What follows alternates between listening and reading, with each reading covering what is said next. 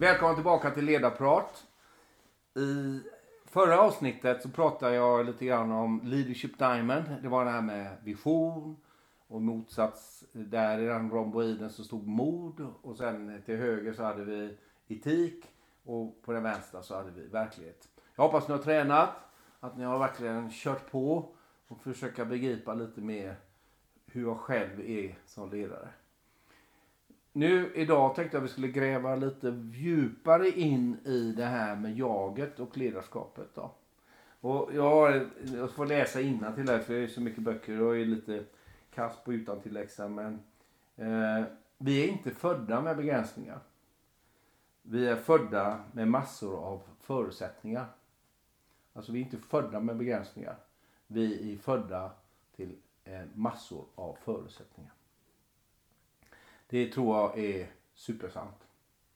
Och för mig eh, är det en, vad kan jag säga, en återhållsamhet i detta.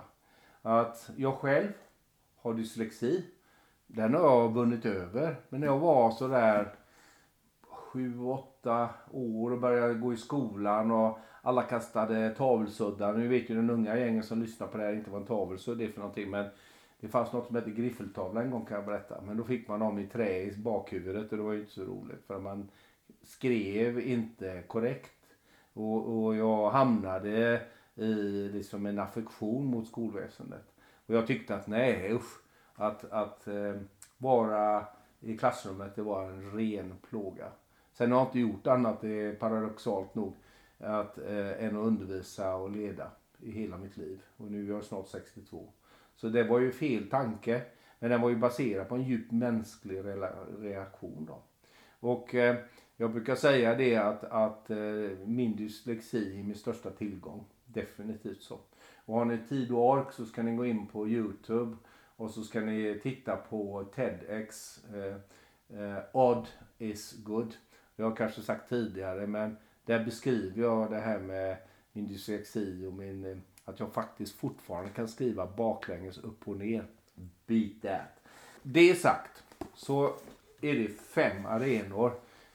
Peter Kösterman som jag eh, är, är fan av.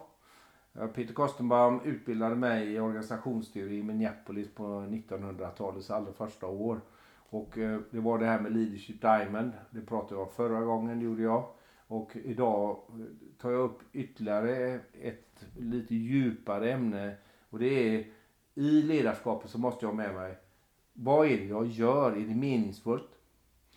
Det är arbetet. Det här är som livsarenorna. Vi måste sysselsätta oss på något sätt. Jag måste ha med ett socialt ansvarstagande det jag känner och det jag gör måste vara ett socialt ansvarstagande i den verksamhet jag bedriver och jag själv. Tre, jag måste ha någon form av familjerelation. Vi är inte födda alena. Vi är grupprelaterade sociala varelser. Och eh, jag kan ha dåliga erfarenheter i en familjerelation men jag måste ha en familjekänsla i den verksamhet jag bedriver. Och så som ledare är det ett stort ansvar.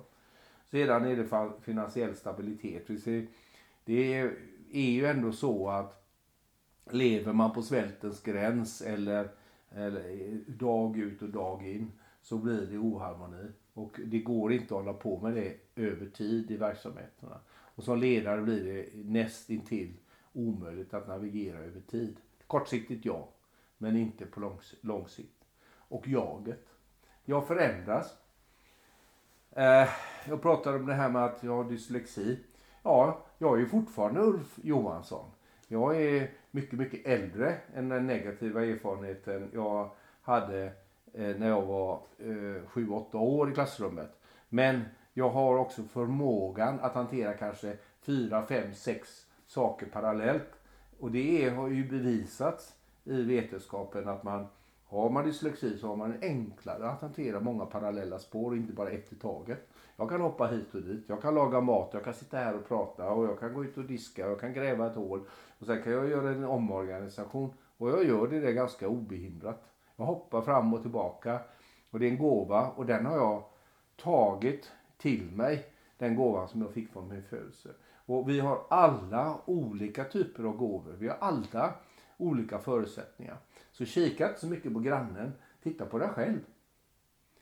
Och, och, men bli inte oetisk och ett monster som bara springer runt och tror att du är bäst i världen. För så fungerar det inte. Utan interagera, var det jag pratade om där med family då. Att de här fem områdena. Arbetet i sig. Det sociala ansvarstagandet. Min familj. Mitt eh, finansiella stabilitetsplattform. Eh, och eh, jaget. De här fem måste hänga ihop. Hänger de inte ihop eller någon eller några rycks loss från de här olympiska ringarna, då går systemet under.